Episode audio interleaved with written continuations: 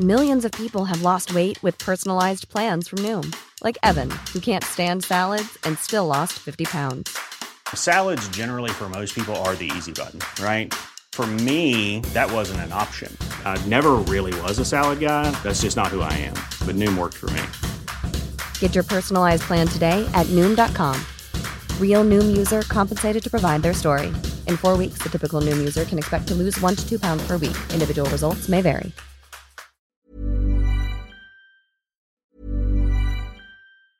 Normally, being a little extra might be a bit much, but not when it comes to healthcare. That's why United Healthcare's Health Protector Guard fixed indemnity insurance plans, underwritten by Golden Rule Insurance Company, supplement your primary plan so you manage out of pocket costs. Learn more at uh1.com. Millions of people have lost weight with personalized plans from Noom, like Evan, who can't stand salads and still lost 50 pounds. Salads, generally, for most people, are the easy button, right? For me, that wasn't an option. I never really was a salad guy. That's just not who I am. But Noom worked for me. Get your personalized plan today at Noom.com. Real Noom user compensated to provide their story. In four weeks, the typical Noom user can expect to lose one to two pounds per week. Individual results may vary.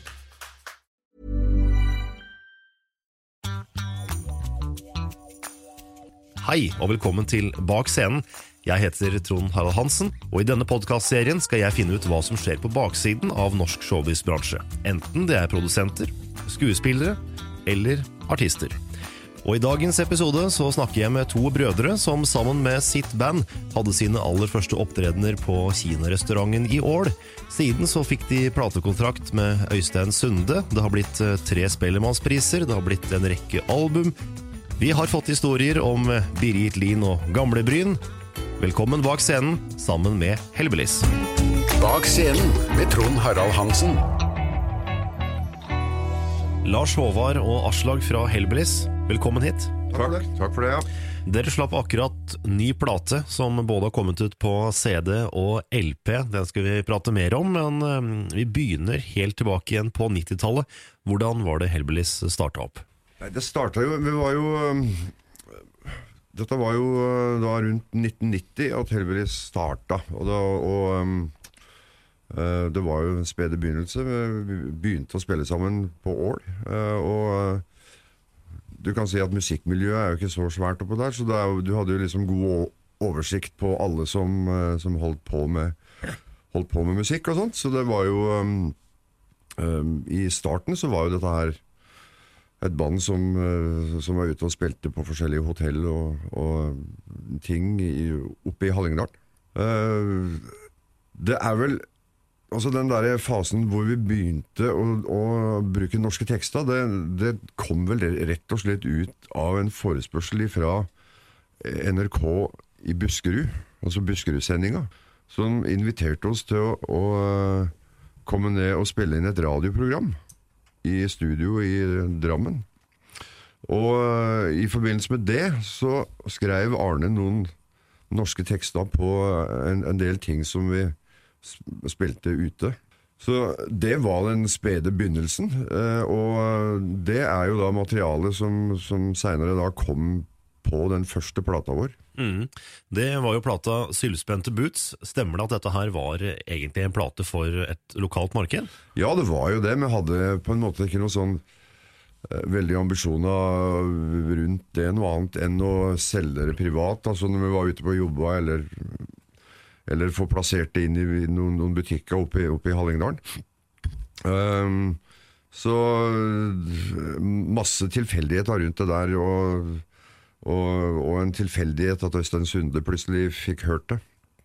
Så eh, det var eh, en litt sånn, sånn spesiell start på dette her, men, eh, men det var jo starten, da. Og, og det, det viste seg jo at det fungerte. Og det er her på selskapet Spinner at dere gir ut de to første platene. Dette er jo Øystein Sunde sitt plateselskap. Åssen fikk dere til et samarbeid med han? Nei, det, det var jo så tilfeldig som at uh, vi hadde samme tekniker en periode. Eh, Tor Magne Hallibakken fra Nesbyen, som, uh, som var tekniker i studio med når vi spilte inn dette her. Og så eh, hadde han spilt i bilen for Øystein når de var på vei til jobb. Så, og igjen, da. det var vel akkurat idet Øystein Sunde var i ferd med å starte opp Spinner-labelen sin, tror jeg. Han hadde vel kanskje gitt ut eh, Hadde vel kanskje én utgivelse før oss.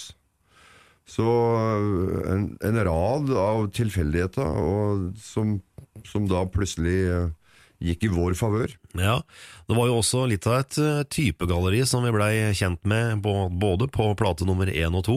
Ja, det var jo det, og det var jo Altså Det som overraska meg, i hvert fall, da, ganske mye, var at Altså Jeg visste jo at det der kom sikkert til å bli, eh, bli populært og sånn oppe i Hallingdal, Eh, med dette her typegalleriet. Men jeg, jeg var ikke sikker på om det hadde eh, noen slags relevans for resten av landet. Men altså, det viste det seg jo at det hadde jo det, faktisk. Fordi du eh, Altså disse her typene som Arne beskrev på første plate, det, det er jo sånne typer du finner overalt. eh, og over hele landet, faktisk. Så mm, eh, det jo fungerte, sjøl om jeg trodde at det kanskje var i overkant lokalt, da. Ble Herbelis eh, umiddelbart en suksess, eller, eller tok det litt tid? Uh, nei, altså, det var jo Det var jo sånn uh, I starten så spilte vi stort sett lokalt i Hallingdal. Uh, så kom den plata ut, og så eh, Telemark uh, var tidlig på den. Så i starten så spilte vi veldig mye Telemark. Første halve året så var vel i Telemark omtrent hver helg, tror jeg, og spilte.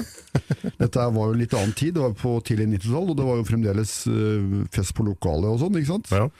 Så vi spilte, har spilt på sannsynligvis det som finnes av festlokaler rundt i, i Telemark og Hallingdal.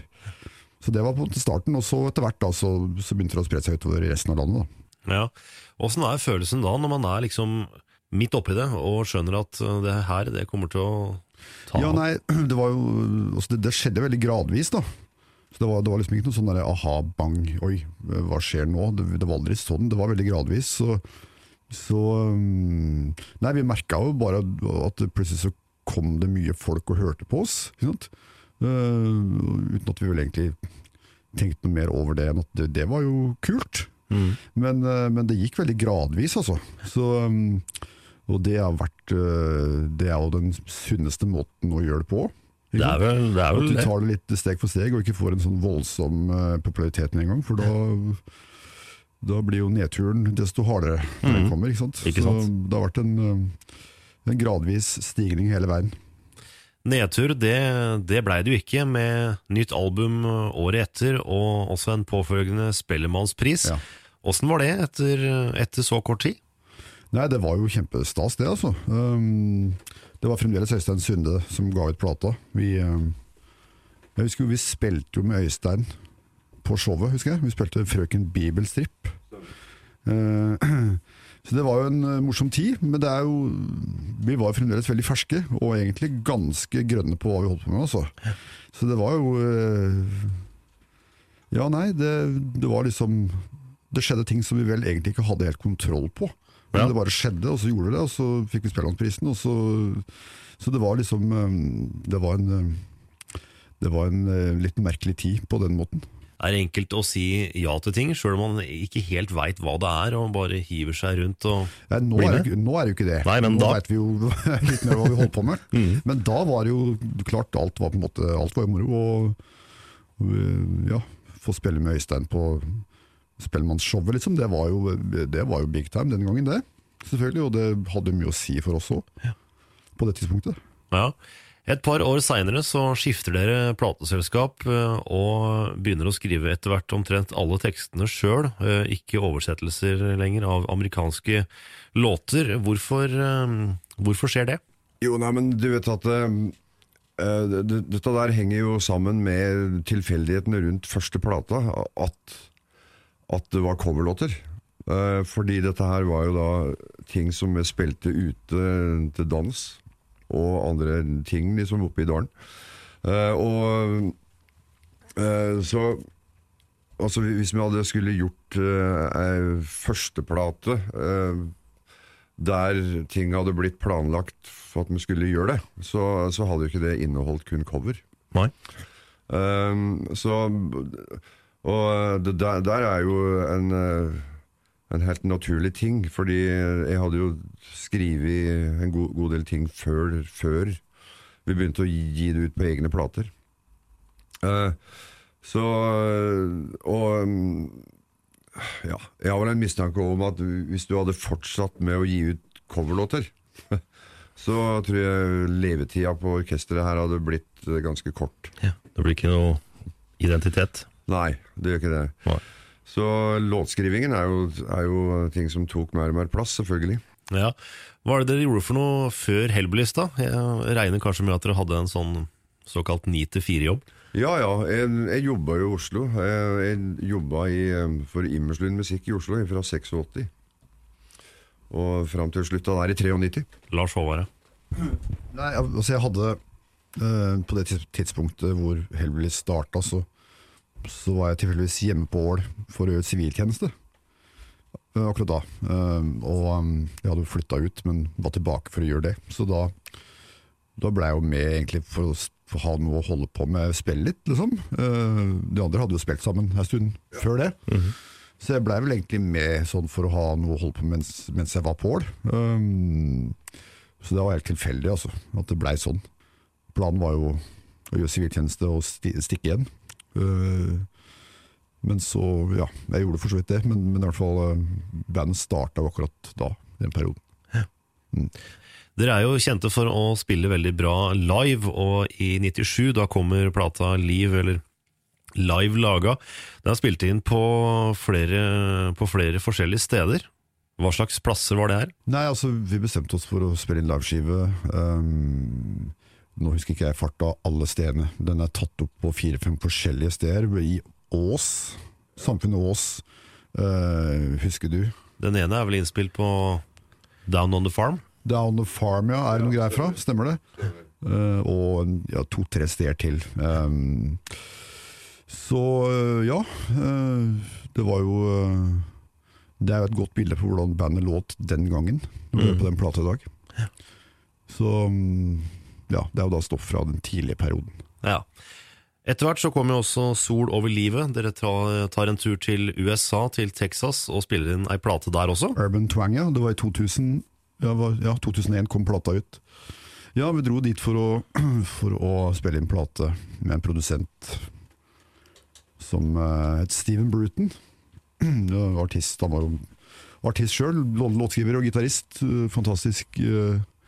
Veldig fan av de platene hans, så det var jo litt på lykke og fromme. Vi var jo fans av han, og, men kjente det ikke fra før, så vi dro over på var liksom, Tok en sjanse på at eh, dette her skulle funke. Eh, og det gjorde det jo. Um, og den opplevelsen av å være der den gangen, eh, det var jo viktig for, for den plata, og for bandet, liksom, som en opplevelse, ikke minst. For den byen er jo Den har forandra seg nå, men den gangen så var det jo fantastisk eh, miljø der. Vi traff mange veldig typete folk. Musikere og, og andre eksentriske personer som hang rundt uh, Steven. Da. Så det var, mm, det var en flott opplevelse. Var det også i det tidsperspektivet og i det miljøet her at vi gradvis begynte å se en, um, en litt annen versjon av Hellbillies? Ja, det kan du si. Band, eh, altså, bandet, alle i bandet begynte å bli flinkere til å spille. Eh, så det er nok eh, Det var aldri noen sånn bevisst dreining at nå må vi begynne å spille rock. Eller altså Når folk blir flinkere, så forandrer soundet seg òg. Um, så, så på det tidspunktet her så hadde vi jo spilt såpass lenge sammen at uh, man begynte å merke at, uh, at ting var, skrudde seg sammen på en litt annen måte enn de hadde gjort før. Um, så det er nok uh, Det er vel egentlig hovedårsaken til Så det begynte å låte annerledes. Er det noen spesielle minner eller spesielle historier fra den innspillingsperioden? Det jeg husker fra, fra den, eh, den studioperioden, var jo at det var, det var en ganske intens eh, periode. Uh, Steven Bruton um, han, han visste jo hva han holdt på med, han. Uh, og, men, men jeg kan liksom ikke uh, gi det noen sånne uh, helt spesielle ting. Kanskje du husker det? Steven var en sånn fyr som Han kjente alle. Alle musikere som kom til Austin, eh, ringte jo Steven. Og liksom eh, skulle låne utstyr av han, eller bare hilse på han. Han kjente virkelig alle. Han var en sånn uh, musikernes musiker. ikke sant? Jeg husker jo, jeg ble stadig tatt med ut for å møte folk. Ble med og hilse på Eric Johnson, ble med og hilse på Robin Ford, ble med og hilse på Hadde mange sånne opplevelser. da. Så husker jeg jo når han hadde bursdag, uh, så fikk han telefon, da. Så, så eh, Ja, jeg hørte det var liksom 'gratulerer med dagen', og ja, takk for det. liksom. Så var det ja, Hva som ringte nå? Det var, det var Tom Petty som ringte for å gratulere med dagen. liksom. Så det var, det var stadig sånne, det var sånne opplevelser da, som, som var jævlig kule. Han var sånn fyr som uh, Han kjente alle. Fantastisk. Og så er det vel i 2002, da kommer Kultur, en plate som er helakustisk. Ja, eller eh, Mer eller mindre? Litt eh, semiakustisk. Altså, det er jo eh, Dette var en turné vi gjorde eh, der vi Som du sier, altså Vi tok det litt mindre Altså litt mindre elektrisk, da. Eh, mye akkitar. og Du og spilte vel kun akkitar på den turen. Eh, det var jo fremdeles eh, altså forsterkere og ledninger, men, uh, men uttrykket var på en litt annen måte. Um, og det var i forbindelse med en, med en ganske lang turné vi gjorde på, uh, altså kun på kulturhus rundt omkring i landet. Og ideen med det var jo å liksom vise oss fra en litt annen side òg. Litt mer ut fra lokale og Ja. litt mer ordna forhold. Ja, det var det. Og sånn, øh, jeg, har- vel sett i ettertid at øh, det Det var ganske lurt av oss, øh, den turen der. Altså vi, vi gjorde jo disse der greiene to eller tre år. og jeg har vel Altså Når jeg tenker på det nå, så ser jeg vel at det det åpna en del dører for oss òg. At, at du fikk kanskje andre folk ut for å høre på som det som, som gikk eh, da på festlokaler rundt omkring. Um, så det, det, det tror jeg var bra for bandet. Er det sånn at man eh, kanskje blir litt lei av å spille for folk som har inntatt eh, vel mye alkohol, og at man da heller søker seg til litt andre steder? Det viktige her er jo at du ikke blir begrensa til kun å gjøre det. For da kan det nok bli slitsomt, tror Ja. Men øh, Og tidene har jo forandra seg òg ganske så voldsomt. Fordi at øh, det derre det der fest på lokale miljøet som var på 80- og 90-tallet, det er jo så å si borte. Så liksom konsertaktiviteten har jo flytta inn på, på kulturhusa, eller eh, i noen få litt større idrettshaller og sånn, og så har du festivalting på sommeren. Så eh, dette er eh, det her fest på lokale greiene er, er jo altså Det lever kanskje så vidt noen plasser i landet, men eh, det er nesten borte.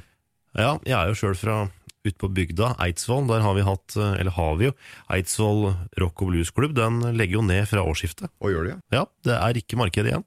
Det er trist, da. Vi har spilt ofte for de.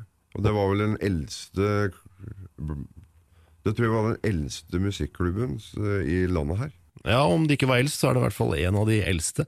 Men eh, apropos det, åssen har utviklinga vært sånn på scene- og teknikkfronten? Har det blitt bedre enn enn dette her var i starten, eller, eller åssen var, var det? Ja, det var jo Det Var var jo definitivt det. Um, det var klart at du, du spilte på mange plasser som uh, som uh, Det var overhodet ikke tenkt at det skulle være konsert der.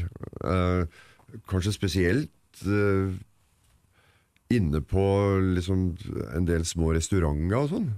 Med lav takhøyde, og du står Og ingen scene. Du står liksom stua borti en slags krok da, på gulvplanet. Ja. Så dette der har jo selvfølgelig forandra seg veldig, og, og til det veldig mye bedre. Så det, det er fint. Jeg leste jo her at eh, sånn helt i starten så, så spilte dere på kinarestauranten i Ål. Ja, ja, ja. Og det, det syns jeg var så fantastisk. For det, det var jo, liksom men ikke noe det var jo en av de første opptredenene som Helberis hadde, det tror jeg. Eh, Det var på kinarestauranten i Ål, ja, og der var det jo så smekkfullt inn at eh, de her kineserne, de måtte de måtte gå ut, og så serverte de ølen inn gjennom vinduet. Vi ble jo, vi ble jo signa vi på kinarestauranten på Ål. Å ja, de gjorde det, det var liksom Øystein ville gjerne høre oss live først, da. Så han, han var vel oppe i han, Kanskje han hadde vært og spilt på Geilo eller noe sånt? Ja. For fall han og Audun Tylden, som han jobba sammen med, da, de kom ned og hørte på oss. Så det, kanskje vi, vi fikk liksom, vi fikk platekontrakt på Kinarestauranten på Ålet. Yes, da. Det Og på en serviett òg, eller? Ja, litt, eh, litt sånn. Så det var, det var andre tider. Det var andre tider, ja. Definitivt. Med plata Niende så drar dere til eh, Praha og spiller inn den der. Hvorfor det? Nei, fordi at det er jo Det er viktig, det, og det blir viktigere og viktigere etter hvert som du holdt på en stund, og, og, og gjøre litt andre ting. Altså når du skal spille en plate, og har gjort det før, så, eller vi har gjort det så ofte at det kan fort bli en litt sånn rutineprega greie. Så lage plate igjen, liksom. Um, så, men hvis du drar bort, sånn som du drar til Praha, da, så kan du dra bort og være borte i to uker og jobbe intensivt og være i den, i den bobla og kun holde på med det. Fullt fokus på akkurat det. ja. Ja, ikke sant? Vi dro tilbake dit nå og gjorde siste plate der også, i samme studio. Men uh, riktig, niende var vi og gjorde det i Praha, og ehm, den plata hadde aldri blitt sånn hvis jeg ikke hadde vært der og spilt inn den skiva. Så um, det var en fin uh, og en veldig bra ting for bandet. Hvis vi tar og spikker det her nå ned til et litt mer eh, nerdete nivå, åssen var det å spille inn ting i et studio i en annen del av verden før å ta med seg hele greia tilbake igjen til Norge? I dag kan du gjøre dette her på en USB-pinne, mens eh, før så var det vel eh, Det var vel teip? Ja, nei, jeg husker jo når jeg var i Praha, så var jo da var vi kommet fram til Da var det harddisker. Men nå i Austin øh, Nå skal det jo sies at det studioet vi var i Austin, med et hitshack, det var jo en shack, og det var jo et øh, skikkelig analogt øh, Det var jo et slags uthus, nærmest. som, så det var veldig analogt, gammeldags studio. Så da var det teip, da. Det var teip, ja. Teiper. Og det var litt styr, husker jeg. For vi skulle gjøre litt ting her hjemme etterpå. Og det var litt problem å finne ei båndmaskin som, som, uh, som funka for akkurat de bånda. Ja. Det var en sånn gammel Ja, kompatibel, altså det var en sånn gammel maskin. Sånn, eh, skikkelig rekleopplegg, altså. Og da fant vi ei maskin her i Oslo. Eh, Som, var, som sto et eller annet sted. Eh, og vi fikk da kopiert over på litt mer moderne eh, utstyr, da. Ja. Men, så det var litt styr, ja. Men et, etterpå så har det jo gått jo en harddisk, eller en, som du sier, nesten en USB-stikk, liksom. Mens her så var det omtrent spolebånd. Ja, ja, det var spolebånd. Det var det. Så det var, det var på gamle, gamle måten. Stilig. Det gir jo en litt annen lyd òg, da. Ja, det gjør det. Um, nå har jo nå er teknologien kommet dit at uh, Nå er det mest uh, den der nostalgiske følelsen at du spiller inn på bånd. Uh, jeg, jeg kan ikke høre noe forskjell lenger. Når vi var i Praha nå sist, så gjorde vi en AB-test. Vi hadde en båndmaskin som var veldig fin, og så Pro selvfølgelig. For å nerde litt mer, da. Ja. Og da spilte vi en låt to ganger. Først på bånd, og så på Pro og så satt vi og AB. Og da var alle, alle var enige om at Pro låt best. Så det- altså det er vel det er mye følelser knytta til det der også. Det er kult å spille den på bånd, men eh, lydmessig så er det ikke noe forskjell lenger. Nei, ikke sant. Spissrotgang, en plate som kom i 2007. Kanskje enda mer spissa mot den leiren dere er i akkurat nå? Ja, uh, spissrotgang var jo eh, Da var det på en måte en slags ny start ute og gikk, fordi da hadde vi eh, Da hadde vi gått fra Warner, kontrakten vår hadde gått ut der, og Spissrotgang var første plata som slapp ut på EMI. Labelen. Og um, nye folk å jobbe med. Um, en liten ny, ny giv, kan du si. Uh, og um, Spissrotgang er en plate som jeg, som jeg er veldig godt fornøyd med i dag òg. det var en uh, ganske viktig plate, tror jeg. eh, fordi eh, jeg tror faktisk den, den plata altså, Det hadde nok starta den prosessen litt før, men kanskje spesielt med den plata, så, så la vi vel merke til at det plutselig så var det en, en litt ny generasjon ute og hørte på oss.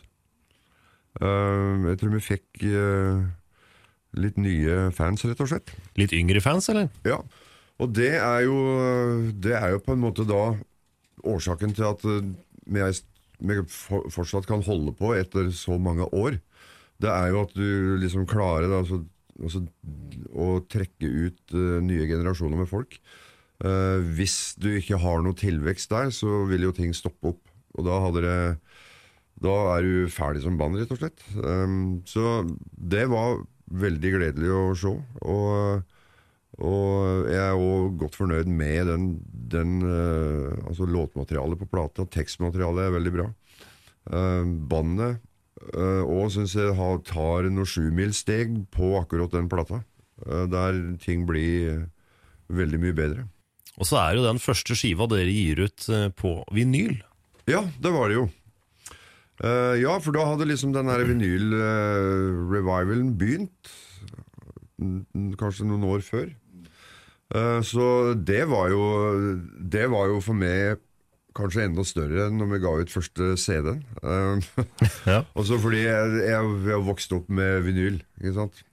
og har et veldig forhold til det. Så det var fantastisk når du sto og holdt, og, og, og holdt eh, liksom første vinylcoveret ditt i neven. Altså. Wow! Nå har du gitt ut plate, liksom. Også en sånn liten eksklusiv sak, da, ettersom eh, plata kun uh, fins, eller kanskje det fins flere nå. Han fantes i hvert fall kun i 500 eksemplarer. Jeg husker ikke hvor mange som ble trykt opp av den, den plata, men, eh, men jeg tror at, eh, at- det ble trykt opp flere i etterkant. Men eh, hvor mange det er totalt, er jeg ikke sikker på. Nei.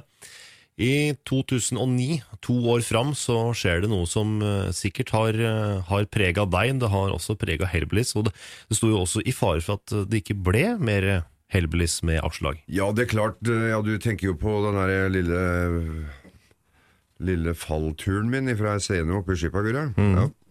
Jo, det, det er klart, det hadde jo dramatiske konsekvenser. Det, bandet måtte jo pent vente til jeg var frisk nok til å gå på igjen. Så, så vi var jo ute fra det, et, men ikke lenger enn et år. Og ehm, og faktisk, vi spilte jo en ny skive på den tida. Ja, nei, var jo, Han var jo satt ut av spill, kan du si. Ehm, så, men eh, når, når liksom alt var visste at eh, dette kom til å gå bra, så starta jeg studio. Vi hadde, hadde skrevet noen låter før dette skjedde, så, så det var litt låter i systemet. Så jeg gikk i studio og begynte innspillingen og det som skulle bli Leit etter lykka. Mens han fremdeles gikk rundt med nakkekrage og gips sånn. Og starta i studio, så etter hvert som han ble gradvis bedre, så begynte han å bli med også. Men, eh, men eh, starten var da uten han. Eh, Men, eh, så den perioden hvor han var sjukmeldt, så, så, så spilte vi inn den plata. Så når den kom ut, så var det liksom akkurat måtte friskmeldt igjen. Ja. Så det var jo en eh, Vi brukte liksom den tida til å lage plate. Ikke sant? Mm. Hvordan er det man kommer seg inn etter noe, noe Nei, sånt? da? men, altså Jeg har jo sagt det veldig ofte i intervju etter det der, at um, jeg er kraftig, mektig imponert over, eh, over leger og sånt som uh, klarer å lappe det sammen igjen, igjen på den måten. Uh, jeg hadde jo knekt begge håndledda. Veldig dumt for en som spiller gitar. Uh, og dette her fungerer jo som om ingenting skulle ha skjedd. Så det er jo noe fantastiske finsnekkere av disse her gutta som, som klarer å få noe sånt til å fungere igjen.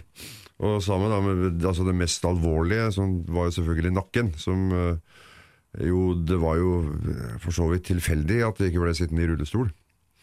Eh, Men det jo har de klart å ordne på, og jeg har svært lite liksom, plager av det nå. Ja.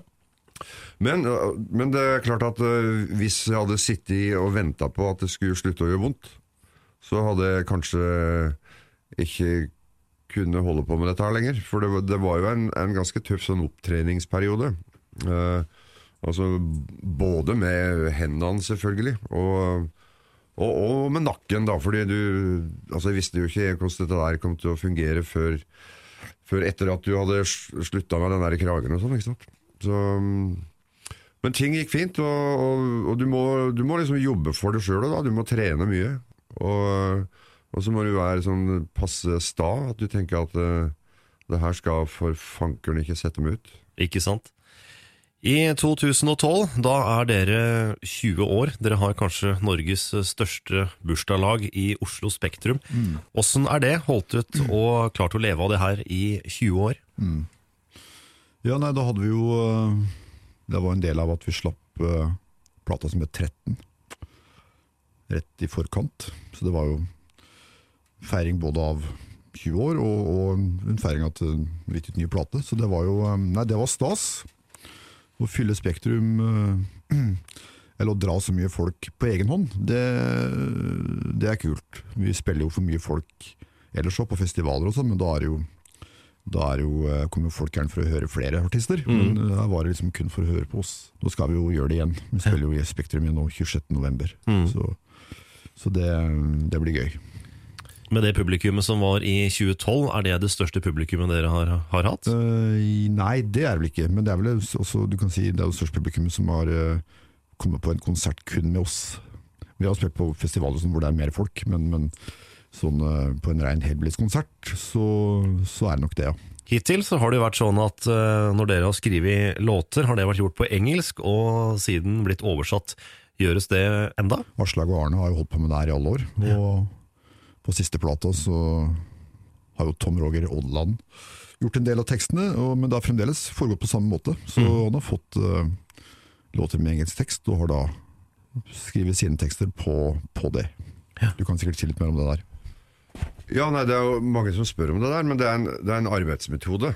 Altså Rett og slett. fordi det eh, Og mm, jeg veit jo faktisk at sånn som Ole Paus og Jonas Fjell, de, de jobber på samme måten. Å ja. Ja. De gjør det, ja. Ja. Så det, det har seg jo altså, altså Det er jo sånn når jeg, når jeg sitter og skriver en låt, så, så, så må jeg lage en tekst på det.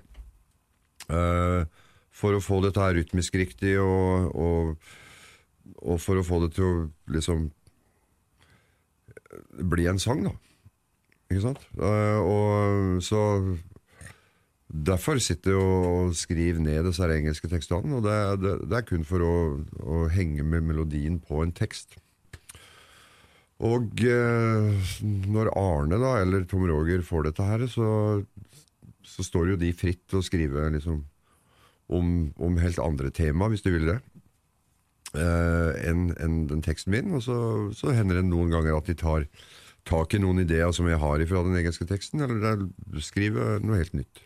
Er det enklere å skrive på engelsk? Altså, Jeg har vel egentlig aldri prøvd å skrive på norsk. Um, og jeg har så stor respekt for det der faget der at um, jeg har liksom funnet ut at uh, jeg skal gjøre det som jeg har et uh, talent for, og det er å skrive melodistoffet. Og så syns jeg at, at de som da er veldig flinke til å skrive norsk, da skal gjøre det. Holde på med det, Ja. i fred. Yes. Yes. Nytt album nå, det heter Søvnlaus og kom for veldig kort tid siden. Hva kan dere, hva kan dere si om det? Det er Jeg er superentusiastisk over den nye plata. Dette her er Jeg er så skråsikker på at dette her er det beste vi har gjort noen gang. Men uh, det er vel sånn det skal være, da, antageligvis. Altså når du gir ut en ny plate. men, uh, men jeg er veldig, veldig fornøyd. Jeg syns uh, bandet let kjempebra. Og jeg er fornøyd med låtmaterialet og, og tekstmaterialet jeg har fått fra Arne. uh, er supert. Jeg synes, altså, Arne Morslåtten har skrevet fire av tekstene på skiva. Uh, jeg jeg syns det er kanskje det beste han har gjort noen gang. Eh, Tom Roger har levert kjempebra. Så altså, jeg føler at dette her er en gjennomsolid plate. Eh, så, men det, det er hva jeg syns om det, og hva folk mener om det. Det, er, det gjenstår å se, men i, men i hvert fall så er det en plate som vi står 100% innenfor. Ja, nei, Det er jo igjen en slags eh, musikalsk eh, roadtrip som er spilt inn i Praha. Vi dro tilbake til Praha, spilte inn plata, og så ble den miksa i, i Berlin og mastera i New York og vært på en liten rundtur. Vært over hele, er her. hele verden. Så, og det, det har han hatt godt av. Eksempel miksa i, i Berlin hos Michael Ilbert i Hansa Studio. Ja, Han har jo tilført eh, en friskhet og en, en eh, spenstig miks som jeg syns uh, kler bandet veldig godt. Er det egentlig smart å la helt utenforstående gjøre akkurat det? Ja, ja. Det var jo, vi har miksa, altså De fire foregående platene våre ble miksa i Los Angeles av David Bianco, eh, og det var kjempefint. Men eh, nå følte vi at tida var inne for å la en ny person. Nå begynte David å kjenne oss litt for godt, ikke sant? Så, så for å da få noe nytt nå, få noe friskt nå, så måtte vi sende det videre til noen som ikke hadde noe forhold til bandet fra før. Da Mikael hadde, hadde hørt om oss, han har jobbet mye i Norge, men hadde aldri hørt oss, så han starta med blanke ark, og det er jo det, er jo det beste. Litt tilbake til Arne. Han, eh, han slutta jo i 2013. Ja. Har det endra Hellbillies på noe vis? Nei, han, det er jo klart, det er jo, det er jo rart når øh, du holdt på så lenge og plutselig ikke står der lenger, øh, på scenen da, øh, så er det rart. Um, nei, men det har vel ikke forandra Det har vel ikke hatt noe å si for det musikalske uttrykket, egentlig. Um, men, men hans hovedoppgave i bandet har jo alltid vært å skrive tekster, ikke sant. Så, så, så det musikalske uttrykket har på en måte gått sin gang, uavhengig av, av han. Men, men uh, som du sa, han har jo levert fire tekster på ny skiva, og, og han er jo uh, han er pensjonist, da. Så Han han uh, hygger seg, tar litt bilder og tar, ja, han har, tror han har det fint, det. Og så tror kanskje han syns det er ålreit å slippe presset med å må skrive tekster til ei full skive òg, for det er jo en, han har jo skrevet noen tekster, og det blir jo ikke lettere eh, det heller. Så jeg tror kanskje det er fint å, at han får eh, slippe det presset der, liksom. Det tror jeg. Ja. Det å lage et album, er det noe som strekker seg over et uh, halvt år, et år, eller hvor lang tid bruker man egentlig på, på akkurat det? Uh, ja, den nye plata her, jeg vil, jeg vil si at uh, jeg har vel skrevet material altså Det starta jeg nok med for et par år siden.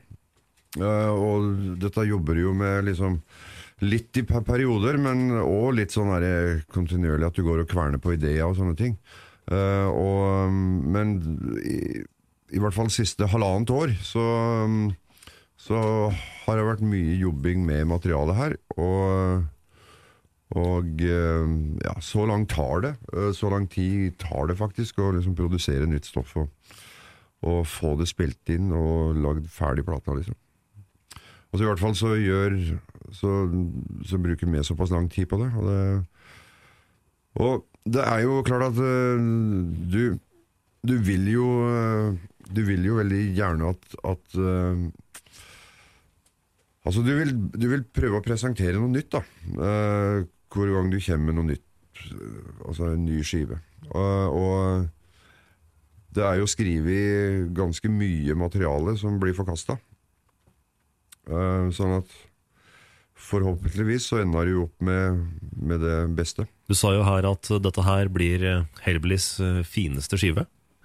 Ja, altså Det er ikke, det er ikke sikkert at, det- at det salgsmessig og, og, og altså populært ute blant folk Det det kan hende at jeg tar feil på det, men, eh, men personlig så er, jeg, så er jeg veldig fornøyd med plata.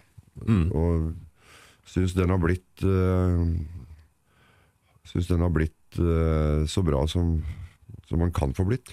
Og så er det et mer helstøpt uh, rockealbum. Ja, det er jo antageligvis det. Eh, Jeg hører mange si det.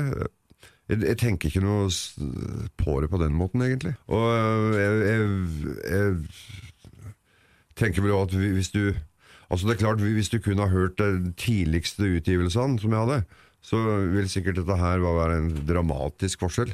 Men hvis du har fulgt bandet sånn gradvis, så, så tenker jeg vel at den der er en ganske naturlig oppfølger fra 13. Ja, og så er det litt av det med å dra til Praha, da. tilbake til du sier at det låter litt med rocka og sånn, er jo at det studiorommet der nede er kjempesvært. Så vi kan, eh, vi kan rigge oss til der inne og spille live, som vi gjør på scenen. Ikke sant? Med, vi kan skru opp forsterkeren og spille. Ikke sant? Og det er klart, når du kan gjøre det, det er jo en eh, setting som vi er veldig kjent med. Uh, ergo så låter bandet også mye friskere, mer direkte. Så det som, det som kan oppleves som mer rocka, er vel at det låter mer som det gjør på konsert, tror jeg. Det, det, er, det er ikke den der separerte, litt forsiktige studiofeelingen som det fort kan bli. Det, det er slett lyden av et band som spiller sammen. For her så er plata innspilt er, live, eller? det er veldig mye live, altså. Det er det. Så, så det, da får du en energiboost ikke sant, som da oppleves som mer rocka, sannsynligvis. Og på den plata her så er det jo også med nytt medlem. Ja, bassist Arne Sandum hoppa jo av bandet i, i uh, Han gjorde siste konserten med oss i uh, mars-februar eller noe sånt i år. Ja, mars Ja. sentrum. Ja, stemmer det. Han Gikk, da gikk han av med pensjon. Og da har vi henta inn uh, Egil Stemkens på bass. Eh, han har spilt bass i mange forskjellige band og med mange artister i mange år. Uh, Bassist og bartender. Bra kombo. Uh, Strålende, og det har gått veldig Det er klart når du skal Bass er jo Det er et viktig instrument, og du skal hente inn en bassist, så er det viktig at uh, i hvert fall et band som, som har spilt sammen så lenge som, som vi har, så er det, det er liksom ikke bare bare å komme utafra og skulle bli med Bli med i gjengen, liksom. Det, det er Nei. ikke noe selvfølge. Så det er viktig En ting er at han spiller jo bra, det visste jo, men det skal jo funke sosialt òg. Og det er jo ingen selvfølge. Så, men det har jo vært veldig smooth med Egil. Han har eh, blitt en del av Han ble en del av gjengen Mm. med en gang. Er det vanskelig å bli medlem av Hellbillies? Klart det er vanskelig du- altså, tenker komme utafra og møte folk som har vært sammen så mye, så lenge. Eh, Og har liksom Det oppstår har jo nesten et eget språk, ikke sant. Som, som du da skal prøve å forstå og bli en del av. Det, det er ikke bare bare det, men Egil er jo, han har jo vært ute og reist eh, før, han altså. Så han, han, han veit jo hva det, hva det går i. Så, så det har gått veldig eh, smertefritt. Vi nevnte jo så vidt i stad, den 26. november. Da spiller dere i Oslo Spektrum. Åssen ligger salget an? Blir det, blir det fullt hus? Du, eh, jeg er søren ikke sikker, men jeg håper at det blir eh, At dette blir, eh, blir en hyggelig aften. Det er, det er jo sånn når du gjør Spektrum, så du må jo selge noen billetter for at det skal bli at, at folk skal vises. så, men, men du har jo òg sjansen i Spektrum da, til å komponere salen litt uh, som du vil. Sånn at eh, du må nødvendigvis ikke selge ut Spektrum for at det skal bli en bra kveld. Nei, absolutt ikke. Så um, jeg tror dette der blir, blir eh, en særdeles hyggelig kveld uh, i Spektrum. Vi er jo litt inne i en tid hvor, eh, hvor platesalget nærmest stuper. Det er andre tjenester som Spotify og sånn som har overtatt for eh, albumkjøp. Eh, Hvordan ser dere på det? Jo, nei, det er jo en utvikling som du må Du må jo eh, Du må jo på en måte akseptere det. Eh, Tidene forandrer seg, og som du sier, det fysiske platesalget er jo om ikke borte, så i hvert fall eh, veldig, veldig mye mindre enn det var, da. Um, så du må prøve da å utnytte mulighetene som ligger i de nye medium, som jo er streaming. Um, og jobbe med det formatet. Eh, det gjør seg ikke sjøl, det heller. Sånn at eh, Sånn er det. Og eh, det er vel nesten på det viset at At du gir ut plater nå Hvis, hvis du tenker økonomisk, da, så gir du ut plater for å ha mulighet til å reise på turné og spille. Um, før så reiste du kanskje ut på turné for å selge plater. Det er det slutt på nå. Ja, det er det. Så turné, turnévirksomheten, den tror jeg er viktigere enn noen gang, faktisk. For artister som lever av dette her. Hvis vi ser utover eh, 2017, blir det mye spilling da? Det gjør det. Eh, nå skal vi jo Altså Vi starter i slutten av oktober nå, skal vi spille til rundt midten av desember. Og så starter vi på igjen i, i, eh, helt til starten på februar. Og da, da er det vel lagt opp til i hvert fall fem uker ganske intensivt. Um, og det blir eh, Ja Det er jo he faktisk hele landet. Det blir kjempestilig. Jeg ønsker dere lykke til med plateslipp, som for øvrig var for eh, veldig få dager siden. Takk for at dere hadde tid til å stikke innom. Jeg håper den nye plata selger i bøtter og spann. Tusen takk. Og med det så er Bak scenen ferdig for denne gang. Jeg heter Trond Harald Hansen. Ny podkast om én uke. Da drar jeg hjem til teatersjef Tom Sterry. Jeg hadde nettopp fått tak i originalen til Juster-statuen. Den som står utenfor så den var. En sånn 30 cm høy, er ikke det? Sånn, ja, 30-40 cm høy. Riktignok i, i hvor jeg går ut fra at det er messing eller altså et eller annet sånt noe. Men du løfter den uten problem. Den sto på en pidestall og var ikke skrudd fast. Og mens dører og plattinger og stoler og alt hadde veiva rundt i det teatret, den hadde ikke rikka seg en millimeter. Juster skulle ikke ut av det teatret. Du har hørt en podkast fra Radio Metro. Finn mer innhold på radiometro.no.